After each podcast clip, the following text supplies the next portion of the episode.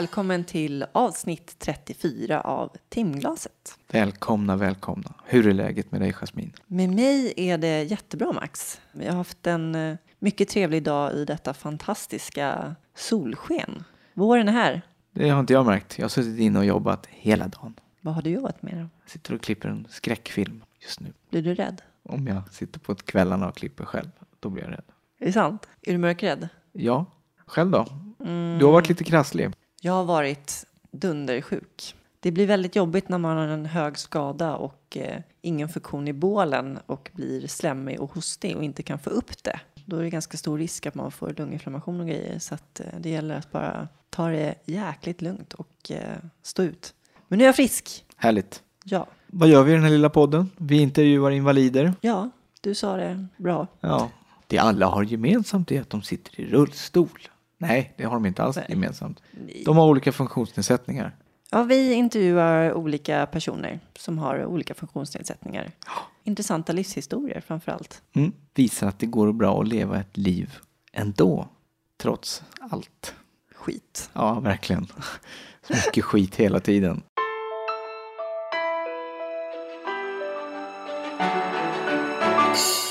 Vi har ett nytt samarbete med Invacare som hjälpte oss att eh, starta upp den här podden i början. Gamla trotjänare. Verkligen. Och Hur länge ska de vara med nu då? Ja, resterande säsongen då, så det är sju avsnitt. Kul.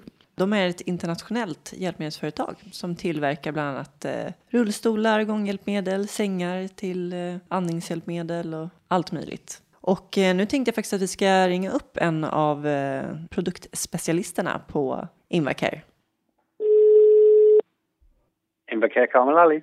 Tja Karl, det är Jasmin här från Timglaset. Hej Jasmin. Hur är läget?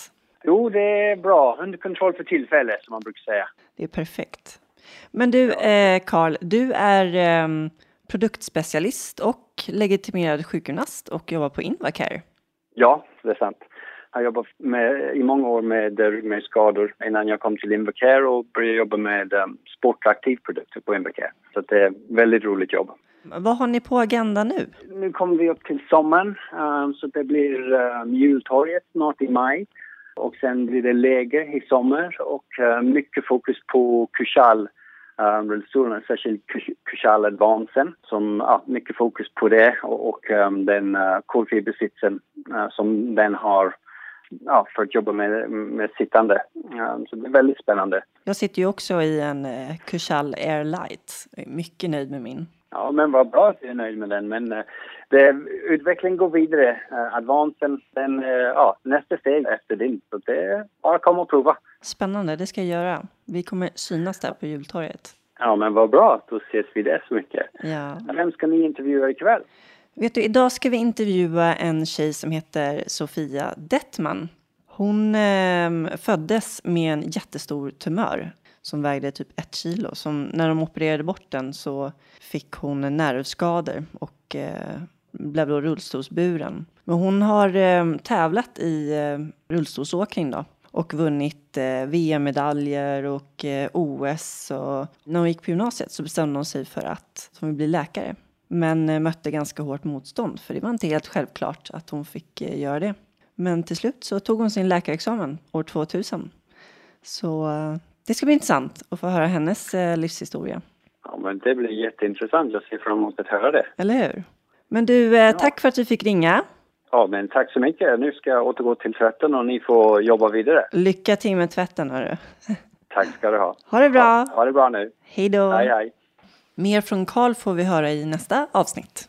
Ja, nej, men då är det väl lika bra att vi kör igång med eh, intervjun av Sofia. Här kommer Sofia.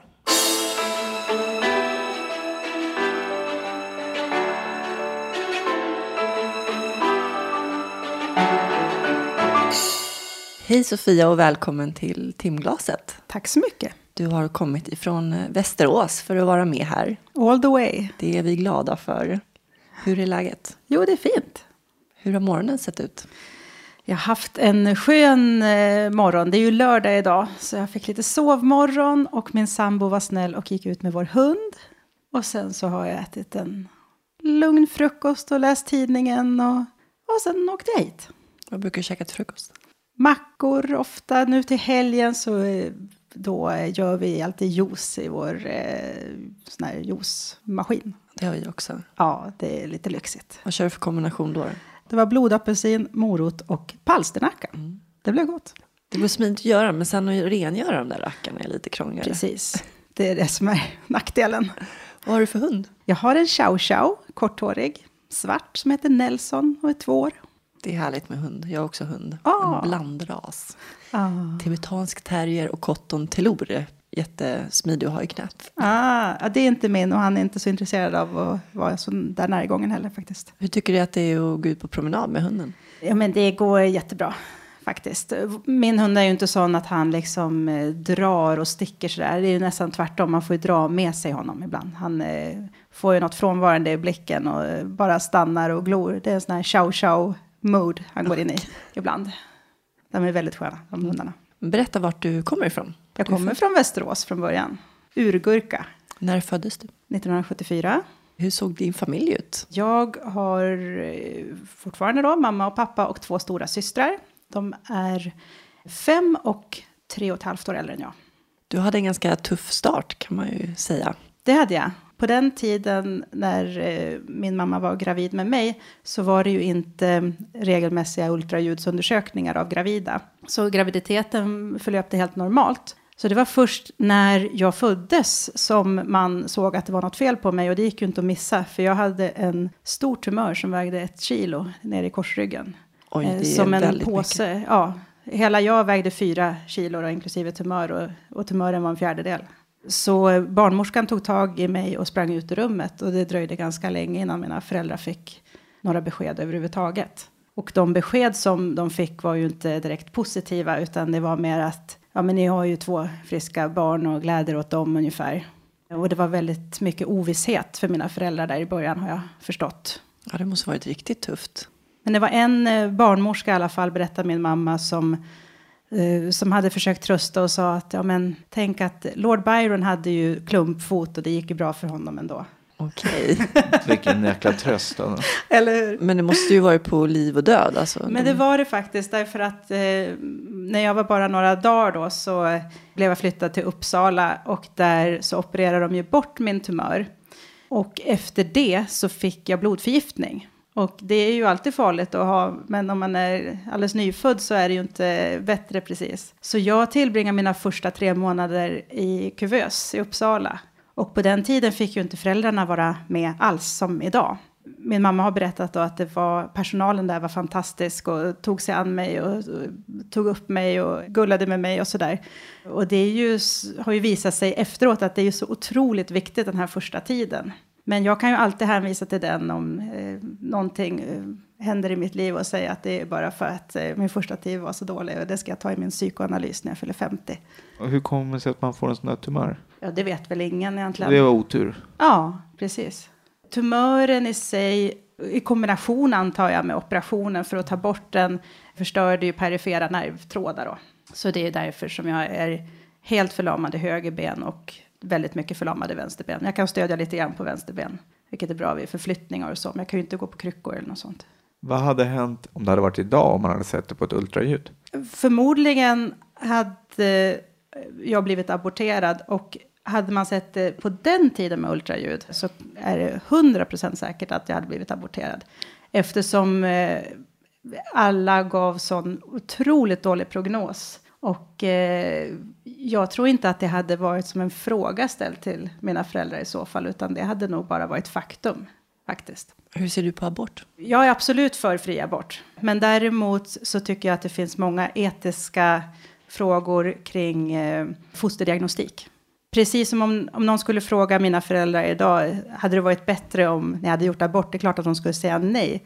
På samma sätt så skulle väl alla föräldrar till barn med Down syndrom, det är väl ingen som ångrar att de har sitt barn. Men jag undrar vad det är för information man får innan när man gör fosterdiagnostik. Det är förhållandevis enkelt att göra tester idag, men vad gör man med svaren? Hur var det sen då att växa upp? Jag vet inte om jag är en person som förtränger saker eller om det, om det var så bra som jag kommer ihåg det. Men jag kommer i alla fall ihåg min barndom som eh, glad och, och lycklig och så. Men jag vet ju att eh, det var tufft för mina föräldrar många gånger. Den här allra första tiden då när jag var baby och eh, småbarn så det var ju ingen som kunde säga till dem riktigt hur bra jag skulle bli och hur jag skulle kunna klara mig och sådär. Så jag vet att när jag blev lite äldre så frågade min mamma på barnhabiliteringen om det var något särskilt de skulle tänka på när jag skulle lära mig att sitta till exempel. Och då fick hon till svar att men jag skulle inte lära mig att sitta.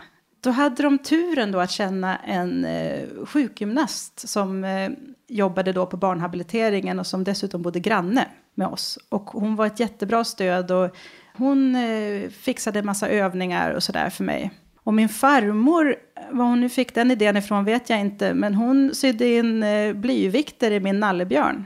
Så jag har faktiskt styrketränat sedan jag var spädbarn, det är helt sant. Vilken idé, smart. Ja, precis. Vad var hennes tanke? Att du, du skulle bli, bli stark? Hon tyckte nog att jag skulle bli, eh, öva upp styrkan i mina armar. Mm, det gjorde jag ju också. Så där hade hon ju rätt. jag tänker på den tiden så hade man ju så ja, lite kunskap om ah eh, ryggmärgsskador generellt. Och Det fanns väl inga förebilder heller kan jag tänka mig. Nej, det kom ju senare in för mig. Som barn, så de andra handikappade som jag överhuvudtaget träffade, det var ju genom eh, föreningen RBU, Rörelsehindrade barn och ungdomar i Västerås.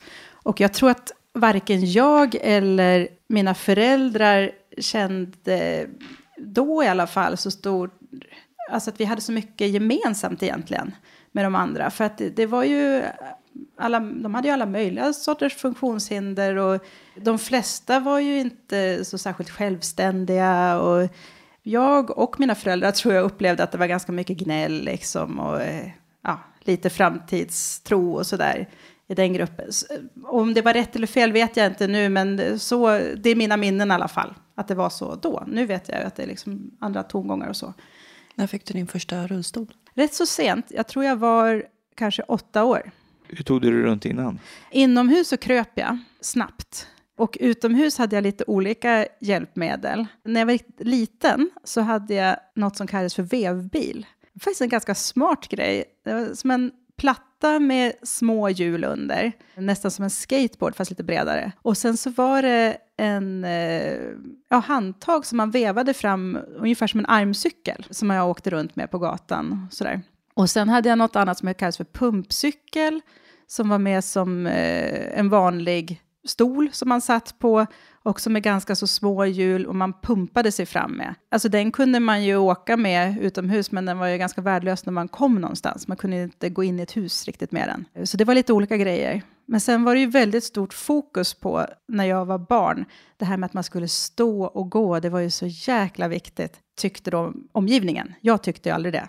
Utan det var, var mycket fokus på att jag skulle ha ståskal och eh, gå bandage och grejer. Och gå. När jag spändes fast i en ställning då så kunde jag ju gå långsamt med kryckkäppar. Det var ju liksom det som var målet och det var ju så fantastiskt. Och då, var det, då skulle jag vara som alla andra och sådär. Men det, det var ju det jag minst av allt var. För att då kunde jag absolut inte hänga med de andra barnen och göra något vettigt och så. Det var ju säkert vissa fördelar med det där, att man kom upp och ja, belastade på ett annat sätt skelettet och sträckte ut och allt det där. Men det var ju inte någon fördel för mig att ta mig fram på det viset. Det gjorde dig mer begränsad istället. Ja, absolut. Så när jag blev gammal nog att säga ifrån och mina föräldrar inte orkade tjata på mig längre så la jag ner allt sånt där. Vad fick du för bemötande av dina kompisar och sådär rent? Bra tycker jag. Jag har haft samma kompisar. Jag vi flyttade inte så mycket runt sådär när jag var barn, utan jag gick i samma klass eh, under hela grundskolan till exempel. Och eh, många av de barnen som jag började skolan med hade jag gått i lekis med och så. Så att jag tror att de var så vana vid mig liksom. Och min mamma kom till skolan när jag började och berättade för klassen lite grann eh, om olika saker. Och, nej, jag har inte några minnen av att det var något konstigt direkt. Du fick inte många frågor? Och... Det fick jag förmodligen. Men inte, jag var inte utanför på något sätt. Nej. Flera av mina kompisar då umgås jag ju fortfarande med. Och i övrigt när du var ute sådär i samhället och så, vad fick du för bemötande då? Kände du dig utstirrad på något sätt eller? I vissa sammanhang gjorde man ju det. Och ett annat sånt där hjälpmedel som jag hade som barn var en trehjulig cykel, alltså en trampcykel. Eftersom jag kan trampa lite med mitt vänstra ben. Så om man spänner fast båda mina ben så kan jag liksom trampa mig fram när det är platt. Liksom. Jag klarar inte av eh, backar eller någonting. Och det var ju kul ett tag, men sen när alla andra ungar cyklade med två hjul och sådär, det var inte roligt. Då ville inte jag cykla, för att då kände man sig som en eh, liten unge liksom. Jag har inget stort minne av att jag kände mig liksom utanför direkt. Och speciellt inte sen jag fick min rullstol, för då kunde jag ju faktiskt verkligen hänga med. Ja, det måste varit en frihetskänsla. Ja. Och också någonting som kunde vara positivt. Alltså det var ju en, en kul grej att ha. Det var ju någonting häftigt och roligt och jag kunde göra lite tricks och, och sådär liksom. Vi brukade leka hemma hos oss med alla mina hjälpmedel. Liksom ställde dem runt i en ring och lekte ridskola hemma, jag och mina kompisar. Underbart.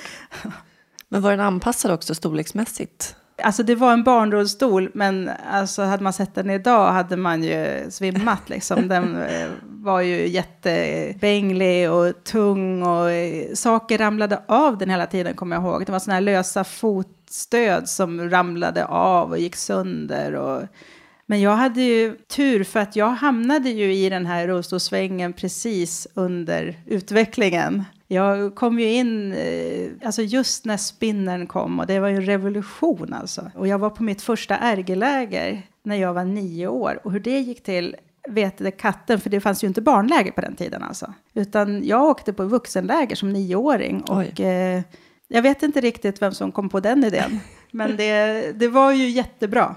Och det bästa med det var ju att jag fick träffa förebilder och eh, mina föräldrar, även om det inte var liksom en speciell föräldrakurs och så där som det är nu, så samma med att de hämtade och lämnade mig så där, så, så såg de ju de andra och de såg liksom att man kan köra bil och man kan ha familj och man kan jobba och så där. Och jag tror det var otroligt viktigt för både dem och mig. Finns det något så ögonblick när du insåg att du eh, skilde dig liksom från dina kompisar eller att du var annorlunda på något sätt? Ja, det gör det ju säkert det var ju inte bara det att jag inte kunde gå så, men under hela min uppväxt så var jag ju väldigt mycket på sjukhus också. Det var så mycket som skulle åtgärdas, liksom. Jag, mycket ortopediska grejer, att eh, steloperera fötterna och försöka räta ut mitt eh, krokiga knä eftersom jag skulle ju stå och gå och det var ju så viktigt att allting var rakt. Och, och sen hade jag en höft som luxerade ibland och sådär som skulle opereras. Och, alltså, ja, det var en sväng varje år som jag var borta. Luxera, vad är det? Då hoppar den ur led. Höften? Ja. Oh. Det låter inte så skönt. Det låter Nej, obehagligt. På den tiden hade jag faktiskt inte så mycket besvär av det. Och att den hoppade ur led berodde väl mycket på att jag har på vänster sida då vissa muskler som fungerar men inte andra. Så allting drar åt ett håll liksom. Men det var, jag hade inte så mycket besvär av det som sagt, men däremot så var det väl inte något bra när man skulle stå och gå och det var väl därför. Så. Ja. Men sen lyckades väl inte de där operationerna något bra, utan det där hände flera gånger. Så det är mm. först faktiskt i vuxen ålder som, eh, då fick jag ont, då fick jag besvär av det där. Och då eh, har man eh, kapat eh, min eh, höftkula, gjort en så kallad slinkled det är faktiskt ett alternativ till att sätta in, in en konstgjord protes i höften och eh, funkar precis lika bra om man inte ska liksom använda sitt ben så mycket. Mm. Jag tänkte på det när du sa att eh, du var 8-9 år när du bestämde dig för att liksom, stå på dig själv och liksom säga att nej, men jag vill inte hålla på och stå med de här ställningarna och allt vad det var. Men kände du själv att det var lite så här att hade du ångest inför det och tänkte att du vill inte svika dina föräldrar eller din omgivning? Eller? Eh, nej, alltså i den åldern så kunde de nog fortfarande bestämma över mig. Så att då eh, hade vi väl lite konflikter kring det där, men jag gjorde det väl. Men det var väl när jag blev några år äldre som jag, jag tror att mina föräldrar bara gav upp till slut. De såg att jag gillar inte och jag, det begränsade mig. Hur förhöll sig dina syskon? Stränga och hårda, men det har nog varit väldigt bra för mig faktiskt. På sikt i alla fall, även om man inte tyckte det då i alla stunder. För de var ju en garanti för att inte mina föräldrar skulle liksom klämma bort mig. Vi var ju så pass nära i ålder och sådär så att det var inte tal om att jag skulle få några favörer som inte de fick. Som mamma städade mitt rum eller bäddade min säng eller någonting. Då sa ju de bara, ja, varsågod gör det på mitt rum också då. För att det skulle inte vara någon skillnad sådär. Det är nog vettigt. Ja, precis. Men sen vet jag att det har varit tufft för dem många gånger. För att det är klart att jag var ju resurskrävande på ett annat sätt än vad de var. Och jag var så mycket på sjukhus och jag var på barnhabiliteringen och det ena med det andra. Min mamma var ju faktiskt hemmafru under stor del av min uppväxt. Det var ju ett, om inte heltids, åtminstone deltidsjobb bara att ta hand om mig ju. Då fick ju mina systrar vara kanske med farmor och sådär och, och kände sig ibland övergivna. Då. Jag förstår att du började med ridning väldigt tidigt. Har du googlat? Ja. det stämmer. Ja, det gjorde jag. Jag, jag red eh, rätt så många år. Men jag var tvungen att sluta faktiskt på grund av min höft Okej. när jag var 15. För att det gjorde för ont helt enkelt att sitta på en häst. Och det var eh, sorgligt. Men det funkade ändå så innan. Ja, jag hade inte speciellt mycket anpassningar när jag red, men jag hade jag använde en, inte en specialsadel egentligen, men jag hade någon sån här, ja, jag hade lite olika, men någon, en period hade jag någon västensadel som är liksom lite djupare att sitta i och så. Och sen så hade jag någon med vanlig sadel fast med ett eh, handtag fram bara som jag kunde hålla i. Och sen så hade jag långa rivspänn dressyrspön, ett på varje sida som jag kunde använda istället för benen då, eller skänklarna. Så. Eh, men det finns ju mycket mer man kan anpassa sin eh, sadel och sin utrustning med. Så, så det hade jag väl säkert gjort om jag hade fortsatt så. Men det, det var min första sport. Och hur kom du in på friidrotten? Det var ju RG, eh, som så mycket annat i mitt liv. ja. Eh, RG Aktiv Rehabilitering heter de Precis. nu som är en organisation eller förening som har eh, läger för ryggmärgsskadade personer och Mm. man främjar träning och att man ska bli så självständig som möjligt. Precis. Men hade du en ryggmärgsskada? Hade inte du varit per- perifera nerverna Ja. som... Precis, det är inte själva ryggmärgen. Det är, det är de perifera nerverna.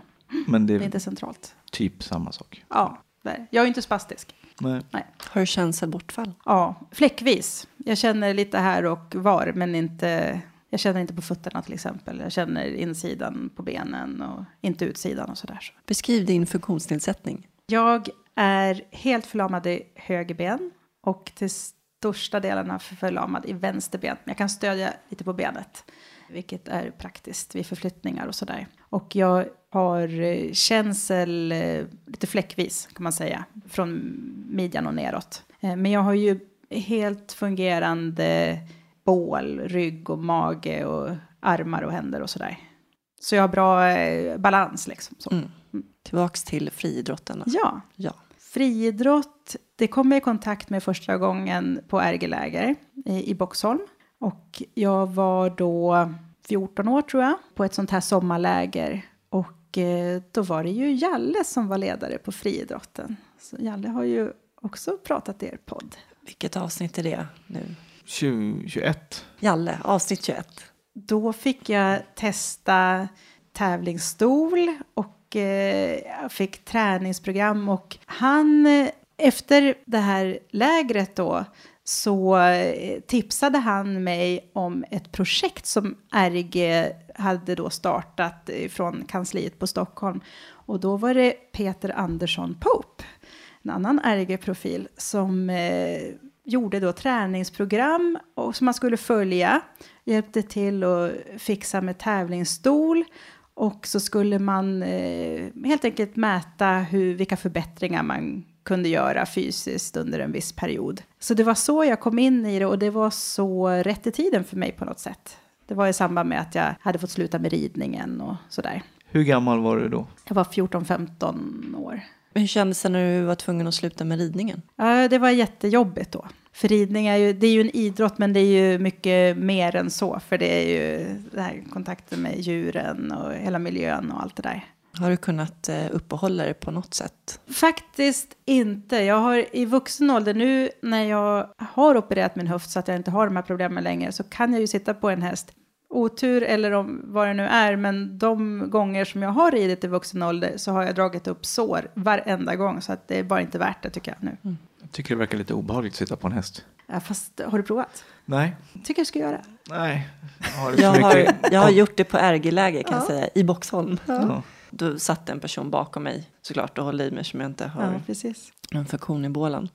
Vilken upplevelse att få komma in i skogen Ja. utan problem Precis. och liksom från det perspektivet som man satt och som du säger, den här kontakten med djuret. Mm. Och det var helt fantastiskt faktiskt. Och sen har jag alltid tänkt sen dess att jag ska göra det igen, men det har jag inte gjort. Det är inte för sent. Jag förstår att det måste ha varit jobbigt. Ja, Men då fick du i alla fall eh, nytändning kan man säga på Ja, RG-läger och inspiration absolut. till friidrotten. Och sen eh, när jag hade då börjat med träningen, då började, jag började ju träna ganska seriöst från början eftersom jag var med i det här projektet. Så eh, inom något år så, eh, ja, jag var med på några sådana juniorsatsningar, juniorläger och sådär. Så fick jag reda på att jag blev uttagen till junior-VM i Frankrike. Och det var ju bara kanske ett år efter jag hade börjat träna. Så det var ju jättekul. Och det var ingen vidare konkurrens där. Det ska jag absolut inte sticka under stol med. Men jag vann fem guld och det var ju rätt så sporrande. Det kan jag tänka mig, hörru. Så det var ju I, I vilka grenar? Det var allt från 100 meter till 1500. 2, 4, 8, 15. Ja, mm. Vilken upplevelse det måste ha varit. Du var ju så ung också. ja precis. Vad tävlade du i för stol? Då hade jag en Bob Hall. Undrar om de ens tillverkas längre. Men det var den som jag fick via det här projektet. Då.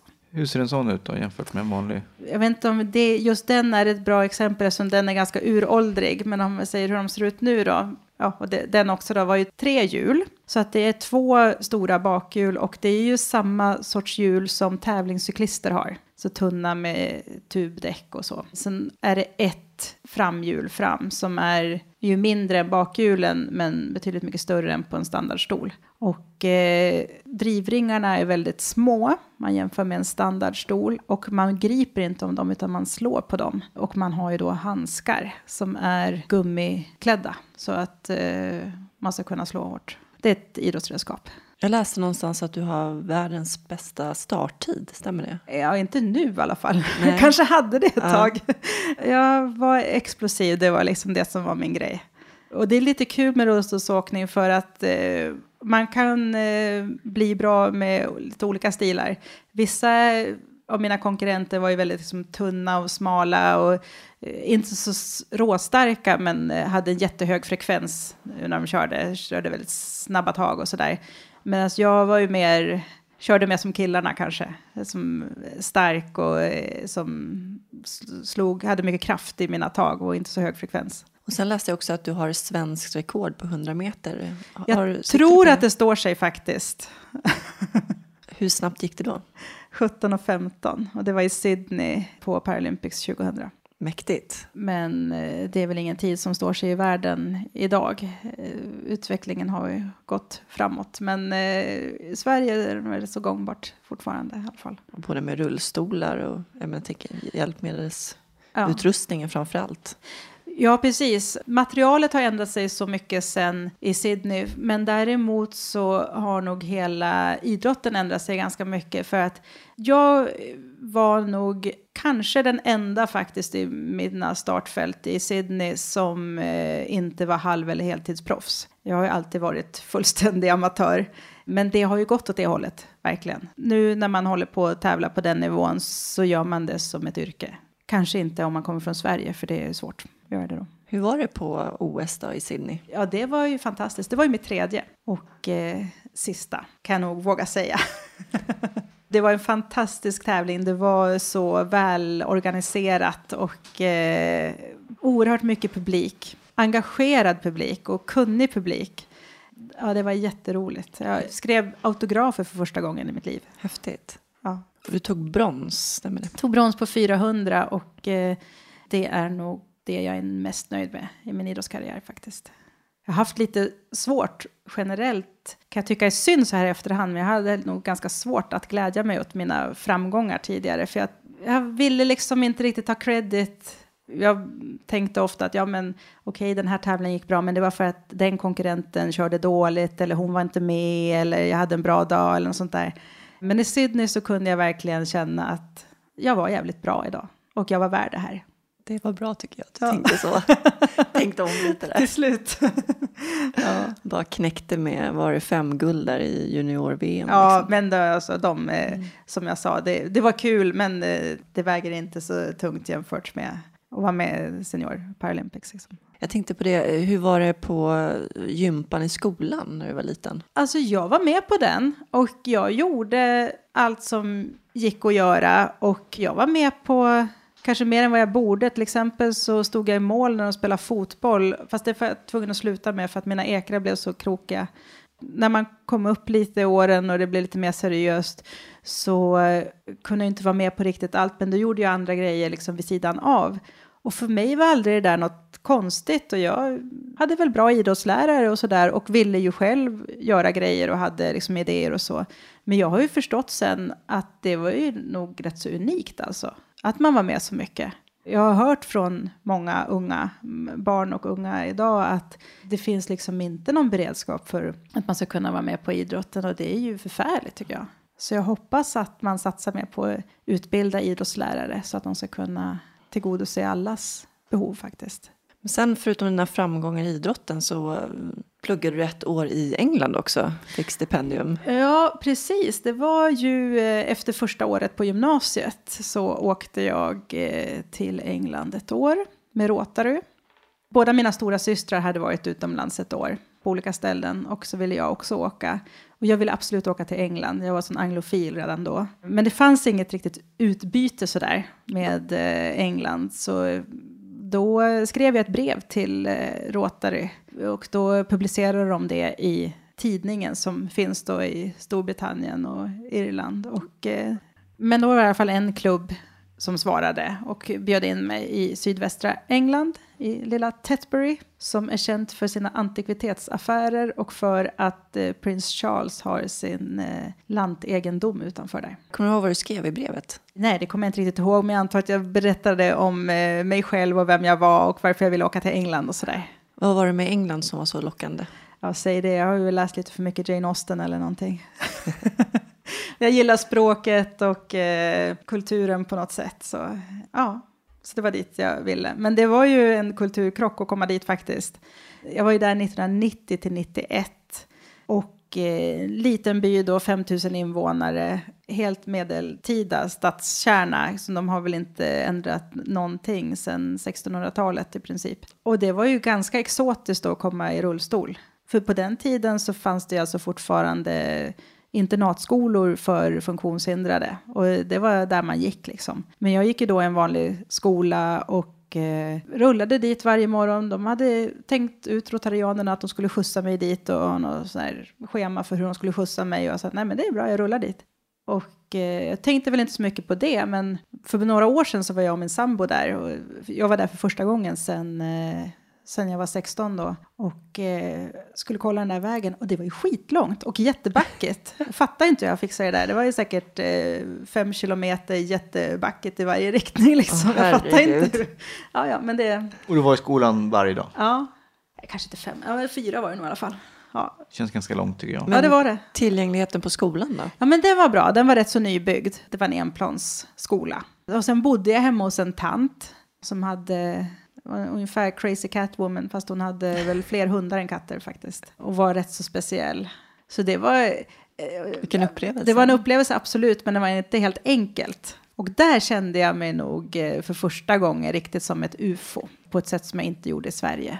Och det fick mig att reflektera ganska mycket över hur långt vi ändå hade kommit hemma och hur bra jag hade det. Och eh, och då bestämde jag mig för att när jag blir gammal nog ska jag också vara ledare på RGs läger. För jag har fått så mycket därifrån så ska jag ge någonting tillbaks också. Fanns ingen annan som var rullstolsburen? Så. Inte som man såg utomhus i alla fall. Vad fick du för bemötande på skolan då? Ja men det var bra, från lärare och elever och sådär. Eftersom det var mitt ute på landet så var det många av mina klasskompisar som bussades dit ifrån ganska ja, långa avstånd. Så att jag blev rätt så ensam. Det var inte så många att umgås med sådär. Men då pluggade jag desto mer istället. Så då kom jag på att man kunde bli bra i skolan. För det hade inte jag riktigt varit innan. Men då insåg jag att det, det kunde man ju bli då. Men det måste vara rätt ovanligt med folk i rullstol som pluggar utomlands liksom? Förmodligen. Alltså jag tror att det är så här att vad man än gör om man sitter i rullstol så blir man ju ganska udda liksom. Så det går inte att tänka på att åh, det här är ju ganska ovanligt att gå en viss utbildning eller åka eh, på utbyte eller något sånt där. För man är ju alltid det liksom. Men du fick träffa prins Charles också. Precis, det ordnade Rotary. Det hade min pappa sagt när eh, mina föräldrar lämnade mig där som ett skämt mer. Att nu ser ni väl till att Sofia får träffa prinsen när, när jag är så nära. Och då gjorde de faktiskt det. Så jag var och drack kaffe med honom. Han var jättetrevlig. Han var det alltså. Tro inte på allt skräp ni läser i damtidningarna. Mm. Var du nervös innan? Ja, det var jag, men kanske inte så mycket som eh, engelsmännen runt omkring mig som hade fixat det här för att eh, kungligheterna i England är ju nästan eh, gudalika där. Hur lång var kaffet? Jag kommer inte exakt ihåg, men eh, kanske en kvart. Någonting åt det hållet. Mm. Det var ju liksom inte en trerättersmiddag riktigt. Men vad var själva grejen med mötet överhuvudtaget? Det var nog bara en eh, audiens. Alltså han, eh, när han är på sitt gods där och Highgrove så, så har han nog sådana här tillfällen som man kan komma och träffa honom om man gör någon sån här formell förfrågan. Men nu gick det i alla fall bra i skolan också. Ja. Och när bestämde du dig för att bli läkare då? Det var ganska sent faktiskt på gymnasiet. Jag var faktiskt mycket inne på att bli journalist eller så tidigare. Mycket kom sig av att eh, jag hade börjat eh, träna mycket. Och jag eh, intresserade mig mycket för hur kroppen fungerar och med träning och fysiologi och kost och sådär. Och då tänkte jag att det bästa sättet att ta reda på mer måste ju vara att gå läkarlinjen. Så att egentligen så tänkte jag inte steget vidare vad jag ville jobba med sådär, utan jag tänkte att åh, det här måste ju vara ett bra sätt att lära sig mer liksom. Och sen så hade jag ju som sagt bra betyg, så att eh, det var ju också en förutsättning. Garanterat. Det är ju inte lätt att komma in på läkarlinjen. Nej, det var nog lite lättare faktiskt på den tiden, men det var fortfarande svårt. På den tiden så var det ju sifferbetyg 1 till 5 och det krävdes ofta ändra 4,9 eller 5,0 för att komma in på betyg då. Men det, eh, man kunde söka på flera olika sätt. Då, jag vet inte exakt hur det funkar nu, men då till Stockholm som jag helst ville gå på då, för att det passade ju bäst med träningsmöjligheter och så. Så kunde man söka på sina betyg eller man kunde söka på högskoleprovet och då skulle man också ha i princip 2,0 alltså. Och sen fanns det tredje sätt och då kunde man söka på eh, intervju så man skulle Ja, man fick ha över en viss poäng på högskoleprovet men det var inte lika högt. Och så kunde man få komma på intervju och komma in den vägen. Jag visste att jag skulle inte få 5,0 för jag hade en 4 i musik. Så att jag skulle väl max få 4,9. Eh, och då var jag inte riktigt säker på att det skulle räcka. Så att jag sökte även på intervju då. Och det var ju en, blev en pers för mig. För då blev jag intervjuad av en psykolog. Och först så fick man väl skriva en uppsats och sen tror jag man fick eh, gå vidare till intervjun. Alltså hon frågade inte så mycket utan hon med berättade för mig att det förstår du väl att man inte kan bli läkare om man sitter i rullstol och det förstod ju inte jag faktiskt. Så jag kände inte riktigt att jag fick prata för min sak. Men hon förstod väl att jag var motiverad att komma in och att jag hade bra betyg så att det fanns en risk eller chans beroende på hur man ser det att jag skulle komma in ändå. Så efter den där intervjun som jag inte gick vidare ifrån så blev jag kallad till ett möte på Huddinge sjukhus med människor från antagningsnämnden då. Och det var ju en ganska läskig tillställning. Jag var i alla fall bara 18-19 år och eh, kom ensam och sen träffade en massa gubbar och tanter som satt där och som korsförhörde mig mer eller mindre. Och visade mig runt liksom på sjukhuset där och sa ja, det här är ett undersökningsrum och sådär. Ungefär som att jag inte visste det. Jag hade väl varit med på sjukhusen de flesta som jag började plugga med sen. I alla fall. visste väl vad det handlade om. Och frågade liksom hur jag skulle lyfta en patient och så. Jag sa att men nu var det ju inte undersköterska jag skulle bli utan läkare. Liksom. Jag vet inte om man behöver kunna lyfta en patient för det. Och, nej, det var väldigt negativt. Så syftet med det mötet det var att de skulle få dig på bättre tankar? Ja, det, så kände jag det definitivt. I deras värld? Och när jag skulle åka därifrån till slut och jag kände väl inte att vi hade kommit någonstans egentligen så frågar de, jaha, men hur ska du komma hem då? Ja, men jag har bilen här i garaget. Va? Kör du bil? Men hur kommer du in i bilen själv? Och då kände jag ju bara att, ja men det är väl klart att de inte har fattat ett dugg. Det känns ju otroligt inskränkt. Ja. Alltså. Det är ju inte så länge sedan. Det var 94. Jag, menar, jag vet ju att Lövis gjorde ett försök ja, där. Ja, jag hörde det. Och det gick ju inte så bra, utan fick ju motstånd direkt. Ja. Men man kan ju tycka ändå att på 2000 talet liksom? Att det, ja, 94 var var det, ah, så att det var lite tidigare, men det ändå Ja. kan man ju tycka det. Framförallt eftersom det- det fanns liksom inte några bra argument. Men eh, jag kom in på mina betyg och då gjorde de ju inte några försök att stoppa mig. Det var ju ändå tufft av dig att fortsätta oavsett. Alltså, för jag tänker att det måste ju ändå dragit ner dig rejält. Det gjorde det såklart. Och jag tänker på det varje gång som jag kör till Stockholm när jag kör förbi ett visst hotell eh, längs eh, E18. Så jag kommer ihåg att jag stannade där när jag var på väg hem för jag var tvungen att stanna och gråta. Men det är enda gången som jag vet att jag bröt ihop. Liksom. Sen eh, kom jag igen och sen blev jag bara skitförbannad och tänkte att om de drar det här vidare då går jag till pressen. Och det är egentligen det sista jag ville. Men eh, jag hade inte släppt det där nu faktiskt om de hade försökt. Och det var säkert det de kände, så de gjorde väl inget mer då. Har du träffat någon av dem efteråt? Jag har faktiskt det, och det var precis i slutet av min utbildning så träffade jag på någon tillställning en av de läkarna som intervjuade mig och hon knappt hälsade. Hon kom absolut inte fram och sa vad roligt att det har gått så bra eller något sånt där. Nej, absolut inget sånt, utan nej, För jävligt alltså. ja, det kan man tycka. Hur behandlades du på själva utbildningen sen då? Jättebra faktiskt. De första åren i Stockholm i alla fall, på min tid ska jag säga, det kan ha ändrat sig sedan dess, var ju helt teoretiska då, som var med på KI. Men sen de sista tre åren är ju ute på sjukhusen, väldigt mycket praktik. Det var aldrig några konstigheter faktiskt. De terminer som kunde ha blivit liksom tuffast då var ju kirurgi och ortopedi. Men då gick jag på Danderyd och hade jättebra kursledning där som verkligen stöttade mig och frågade hur ska vi lösa det här? Och utgick från att jag skulle ha några lösningar på det. Och, och det var ju inte så himla krångligt heller. Jag bara pratade med min arbetsterapeut om vad jag behövde och jag fick låna en eh, arbetsstol, en sån här höj och sänkbar, elektrisk höj och sänkbar stol som jag inte ens kunde köra själv för att ja, det var bara enkelt och fixa en sån som jag bara hade på operation då. Så att jag eh, hoppade över på den och sen eh, tvättade mig steril och fick hjälp att klä på mig och sen fick någon putta mig in då i operationssalen och lägga i bromsen och sen kunde jag liksom höja upp mig så att jag kunde assistera vid operationer för det ingår ju liksom i utbildningen och det var inga konstigheter med det. Så det, det gick jättebra. Men det som ibland var lite krångligt, det var ju att komma som kandidat när man kommer liksom ett helt gäng med människor in på en sal och ska undersöka en patient till exempel. Då vill man ju kanske inte, ja men ursäkta, kan vi sänka britsen, kan vi göra det och det? Så att det var ju enklare när jag började jobba självständigt att direkt liksom fixa allting efter mina förutsättningar.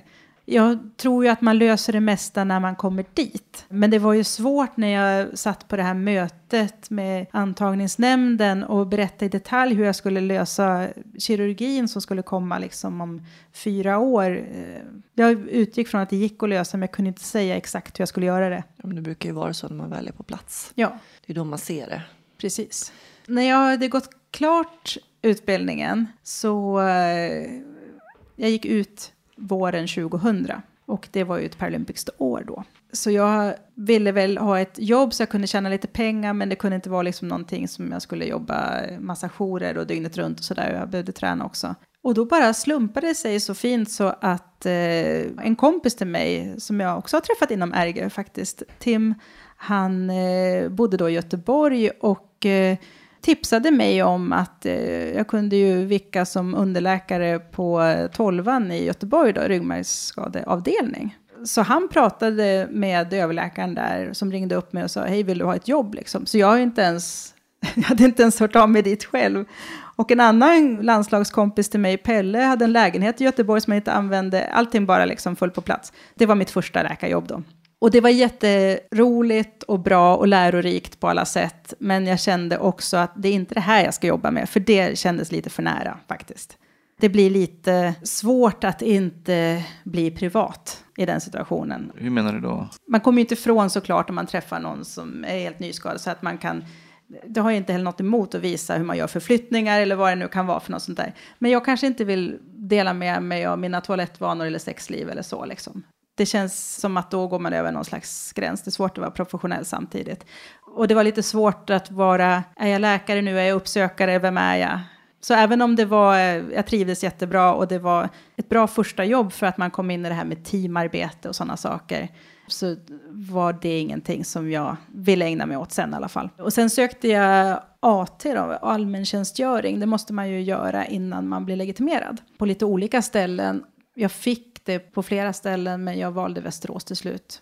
Det trodde jag nog inte själv att jag skulle komma tillbaka. Men det gjorde jag i alla fall.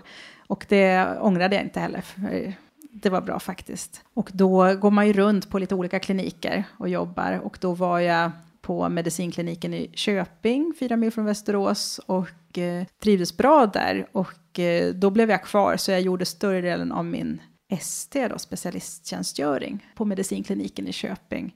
Och sen mot slutet av min specialisttjänstgöring för att bli internmedicinare så hoppade jag över till Västerås istället, till lungmedicin. Så jag blev eh, dubbelspecialist och internmedicin och lungmedicin. Hur reagerar patienter då när du kommer? Vet de om sen innan att du är rullstolsburen eller? Nej, det tror jag inte. I, I Västerås så har jag på något sätt, ja nu är det ju länge sedan, men det är, i alla fall de som är lite äldre har många gånger lite koll på vem jag är, för det stod väldigt mycket om mig i tidningarna när jag idrottade och sådär. Eh, så då, det är många som har något hum, men annars, eh, de flesta vet ju inte det då. Det är inte så mycket reaktioner. En del säger att jaha, sitter du alltid i rullstol eller är det tillfälligt liksom sådär? Och då svarar jag ju på det och så när jag säger nej, men det har jag alltid gjort. Jaha, vad är läkare? Ja, men det är ju bra gjort, säger en del. Och sen är det inte med med det. Jag har aldrig fått några negativa reaktioner. Nu jobbar jag ju, jag har bytt specialitet igen, så att för två år sedan så bytte jag, så nu jobbar jag med palliativ vård, alltså med Eh, vård av människor i livets slutskede. Och det trivs jag jättebra med. Hur är det? Det måste vara tufft. Jag tycker det låter jättejobbigt. Ja, det kan det ju vara, men eh, det ger otroligt mycket. Och eh, då måste man ju gilla att prata med folk, både med patienter och anhöriga. Det finns så mycket man kan göra för att eh, hjälpa och lindra och många ser ju på döden som något misslyckande eller åh, nu har ju vården inte lyckats eller så. Men, men alla människor dör ju. Men det är ju som att det får man inte göra i, i våra tider längre. Liksom. Man ska leva för evigt, men det gör ju faktiskt ingen.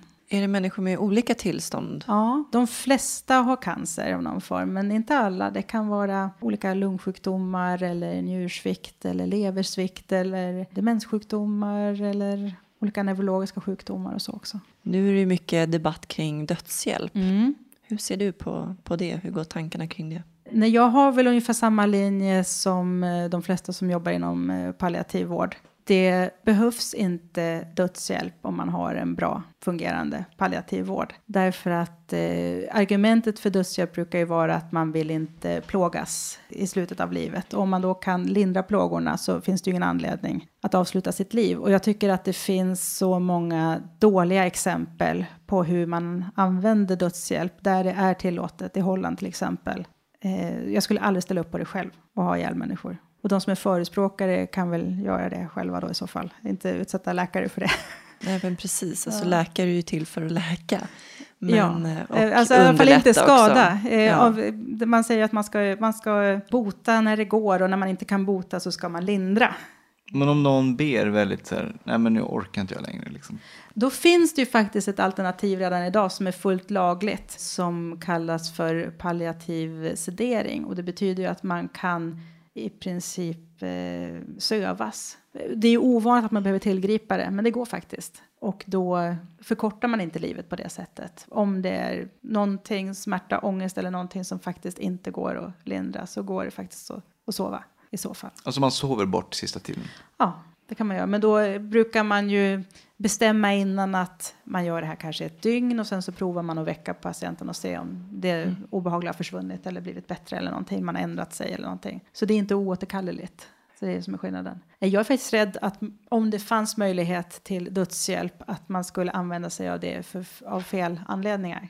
Frågar man människor som är döende vad de är mest oroliga för eller vad som tynger dem mest så svarar ju de flesta inte sin egen smärta eller så, utan de är oroliga för sina anhöriga, att de ska få dra ett för stort lass, att det ska vara för jobbigt för dem. En belastning. Ja, och jag tror att många skulle välja den vägen för att underlätta för sina nära.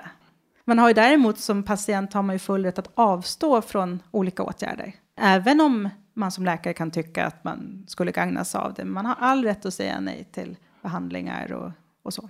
Men det, det är något annat. För på ett humant plan kan man ändå tycka liksom ibland kanske att vore inte skönt för den här personen mm. att somna in. Men det är så lätt Absolut. att tycka det. Men sen när det väl ska göras någonting åt det så ja. är det lite mer komplicerat. Men jag har svårt också för det här med livstestamenten. Att om det och det händer mig, då vill jag, att, då vill jag bara dö eller någonting.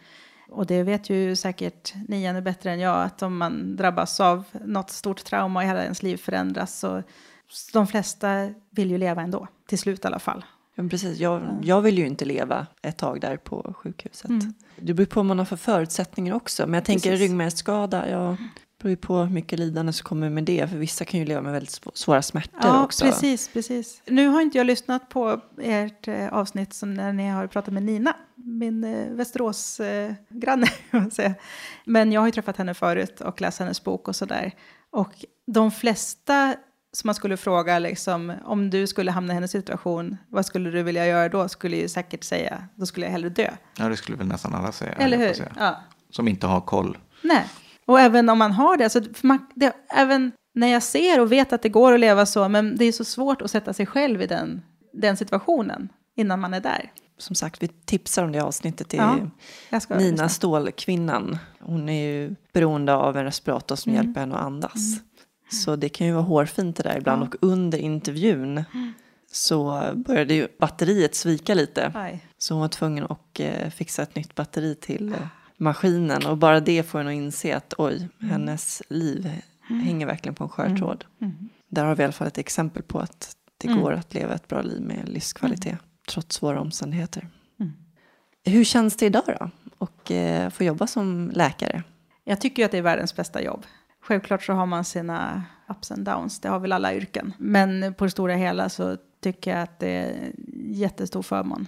Och det finns ju så mycket man kan jobba med också. Om jag inte skulle vilja fortsätta inom det här. Nu ser jag inte det inom den närmsta framtiden, men man vet ju aldrig. Nej, men det är ett fantastiskt bra jobb.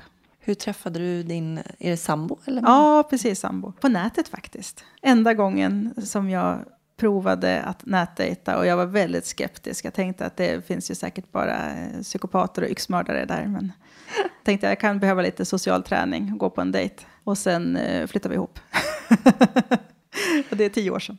Hur gjorde du då? Visade du en helkroppsbild? Så att, eh, eller beskrev du i texten att du var eh, Jag skrev det faktiskt. Efter ett tag. För vi mejlade ett tag.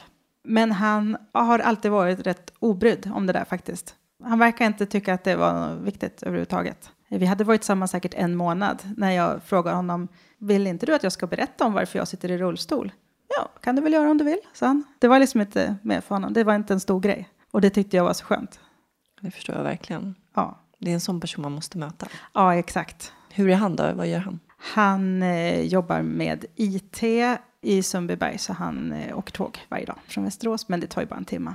Han är fotbollsnörd, han sa till mig när vi träffades att det skulle också vara inom sex månader. Men jag sa det blir jag inte och jag fick rätt. Mm. Vad tycker ni om att göra tillsammans? Vi tycker om att laga mat och äta och dricka gott vin. Och eh, nu när sen vi skaffar hund så är det ju mycket med hunden förstås. Vi tycker om att eh, gå på konserter och utställningar och sådär. Resa, fast vi blir mer inom Sverige nu då sen hunden kom. När fick du beröm senast? Det var i morse. När jag klädde på mig så sa min sambo vad fin du blir. Ja, fint. Ja. vad är lycka? Vad betyder lycka för dig? Det är ju en jättestor och svår fråga. Men eh, en sak som jag blir påmind om så mycket i det jobb som jag har nu och jag lär mig så mycket varje dag tycker jag av mina patienter och anhöriga där tiden är utmätt. Att se lyckan i de små sakerna och i vardagen. Och det är ju någonting som jag får påminna mig själv om ibland. Men man lever ju inte för den där fantastiska semestern på sommaren, utan en tisdagkväll kan ju vara fantastisk också, om man vill, om man kan se det. Det tycker jag är viktigt. Vad betyder frihet för dig? Bil, väldigt mycket. Bilen är nog det första jag tänker på faktiskt. Jag känner mig så fruktansvärt handikappad när bilen är på service eller sådär. Eh, speciellt på vintern. Sen finns det ju annat som påminner en om eh, vad, vad frihet är och eh, när man kan förlora sin frihet. Jag är ju helt självständig i min vardag så har inte haft några större bekymmer med eh, skador och verk och sådär. Men jag har ju förstått såklart att man kan inte sitta hela livet i rullstol utan att få ont någonstans eller få några problem och sådär. Och eh, det var väl lite grann som Kent sjunger att förruttnelsen börjar precis när du fyllt 37. För det var ungefär så det var för mig. Då började jag liksom få lite ont i ryggen och någon axel och sådär. Och det är ju eh, helt väntat alltså. Jag, för mig var det det i alla fall. Eh, man kan inte ha så krokig rygg som jag har och sitta så många timmar om dagen och sådär utan att eh, känna av det på något sätt. Men det har på något sätt blivit det visar mig att jag är inte osårbar riktigt. Det var en anledning till att jag bytte jobb för två år sedan faktiskt. För att jag jobbade så himla långa dagar varje dag och liksom hann aldrig ta rast eller sådär. Och eh, det funkade inte riktigt till slut. Jag inte hann träna ordentligt och så. Så att jag har liksom tvingats att ta hand om mig själv lite bättre. Och eh, nu håller jag det liksom på en ganska bra nivå. Men slarvar jag liksom så då åker jag dit. Och, eh, och då kan jag ju faktiskt bli ganska begränsad i min frihet. När min högra axel håller på och krånglar, alltså nu har det, ja, jag klarar det fortfarande, men blir det värre så kommer jag inte kunna ta in stolen i bilen. Liksom. Sådana tankar får jag ju. Och jaha, vad blir nästa steg då? Liksom? Ja. Så eh, ja, man blir påmind om att man inte är 25 och eh, så längre. Om du fick leva om ditt liv, skulle du göra någonting annorlunda då? Nej, det tror jag inte allting har inte varit liksom en dans på rosor, men det är ju också lite det man stärks av och lär sig av. Vad skulle du vilja säga till någon som aldrig har träffat eh, någon som eller som inte har någon erfarenhet av personer med funktionsnedsättningar? Jag skulle säga att den personen finns nog inte eftersom eh, i stort sett alla har någon typ av funktionsnedsättning. Alla syns ju inte kanske utanpå. Alla har väl någon svaghet mer eller mindre. Jag brukar själv säga att mitt största handikapp är mitt eh, dåliga lokalsinne. Det är mycket värre än att jag inte kan gå många gånger. Tycker du man ska fråga om man undrar varför man sitter i rullstol till exempel? Det kan man väl göra om man eh, känner personen i fråga. Liksom. Men att bara gå fram till någon som man aldrig har träffat förut, det tycker jag är... Eh, det är okej okay om man är under tio år, men annars så tycker jag att det är ganska oförskämt faktiskt. Sen är man kanske snäll och svarar i alla fall på det. Men det är, egentligen så vill man kanske säga att det ska du skita i. För varför, då ska man gå fram till folk och fråga, jaha, varför är du så fet? Eller sådär. Det är ju ingen som gör. Jag är på din sida där helt och hållet. Jag har nog eh, med åren eh, både blivit mer tolerant och mer intolerant mot saker och ting. Jag blir, alltså vissa saker eh, irriterar mig på, nu har inte det riktigt med bemötande att göra, men med tillgänglighet. Som bara det att det var inte riktigt ett alternativ för mig idag att ta tåget hit från Västerås, fast det borde gå lätt. Därför att fortfarande 2016 i Sverige så kan inte jag åka tåg om jag sitter i rullstol utan att det är en jävla apparat kring det. Då ska det fixas och donas och special och hit och dit. Och ändå så är man inte säker på att man kommer fram. Nyligen så har de ju bytt tågsort dessutom. Förut så gick det mellan Västerås och Stockholm nästan alltid sådana här dubbeldäckare och de kommer bara rulla på. Men nu har de bytt det mot sådana här gamla som är trappsteg upp. Det är helt galet. Det är helt otroligt att, och jag, jag tror inte folk i allmänhet fattar hur Nej. dålig tillgängligheten är. För alla tror, lever i någon slags tro att Sverige är så fantastiskt utvecklat. Men det har inte hänt speciellt mycket senaste åren. Och sånt gör mig riktigt förbannad. Alltså. Jag skrev till flera partier inför förra valet och frågade vad man skulle göra åt det här, men jag fick bara blaha-svar. Känner du att det har hänt någonting till det bättre sen du var liten? Jag menar, du har ju... Men det har det väl, men eh, alltså, det går inte så snabbt i Sverige tycker jag. Och jag tycker att det är en sån slapp lagstiftning. Det är verkligen hemskt. Man kan ju mer eller mindre välja om man vill anpassa eller inte.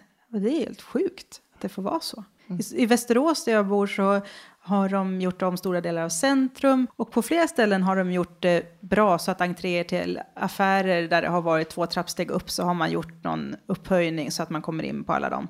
Men längs en gata där de har byggt om en, en galleria till enskilda affärer, där har de vad ska man säga, försvårat allting. Där man förr kunde gå in, är det nu två trappsteg? Och det är alltså gjort förra året.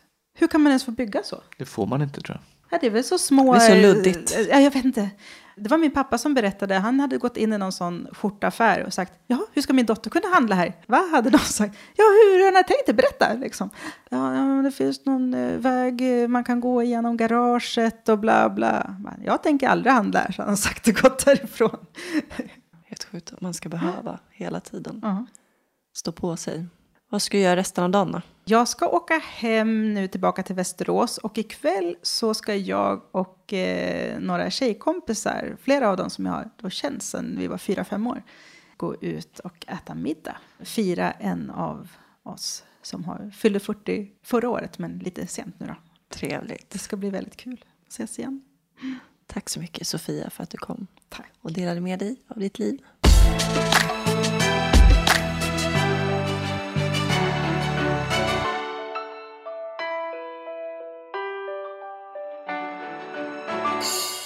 Det här med idrottskarriär, är det någonting som du blir sugen på? Nej, alltså jag satte igång där med rullstolsrugby. Började med rookie-träning ett tag. Jag med. Det är Ja. det dummaste jag gjort i hela mitt liv. Ja, du pajade ju axeln. Men jag tyckte ändå att det var ganska kul. Men det var inte så att jag kände att det var någonting som jag skulle satsa på helhjärtat. Nej. Jag har inte varit en sportmänniska direkt på det sättet. Jag tyckte gympan var jättekul i skolan. Men man kan sakna oerhört den här efter ett träningspass. Att bli så här riktigt sönderkörd och slut och liksom svettig. Man har pumpat ordentligt och bara flåsar och svettas. Och ja, den känslan nu blir man bara lite sådär, sticker i pannan ja, på sin höjd. och kanske lite andfådd. När blir du andfådd av träning? Nej, men kanske om man rullar mycket. När jag rullar långt kan jag få upp pulsen lite grann. Men det är inte alls på samma nivå. Från herregud. 40 till 43. Ja, typ. Men du har kommit igång med lite hemmaträning här. Inte kommit igång, Eller men kommit jag ska igång, försöka du- sätta igång. Du har introducerats till det i alla fall. Ja, nej, men det ska jag göra gummibandspartaj här. Ja, det är ju så tråkigt alltså. Ja, så Och jag borde jävla också tråkigt. göra det. Vi måste ju verkligen styrka upp våra axlar Det, framförallt. det är skit som finns kvar måste man ta vara på. Men det är ju ingenting jämfört med Sofia. Så att det är liksom superkvinna på jul.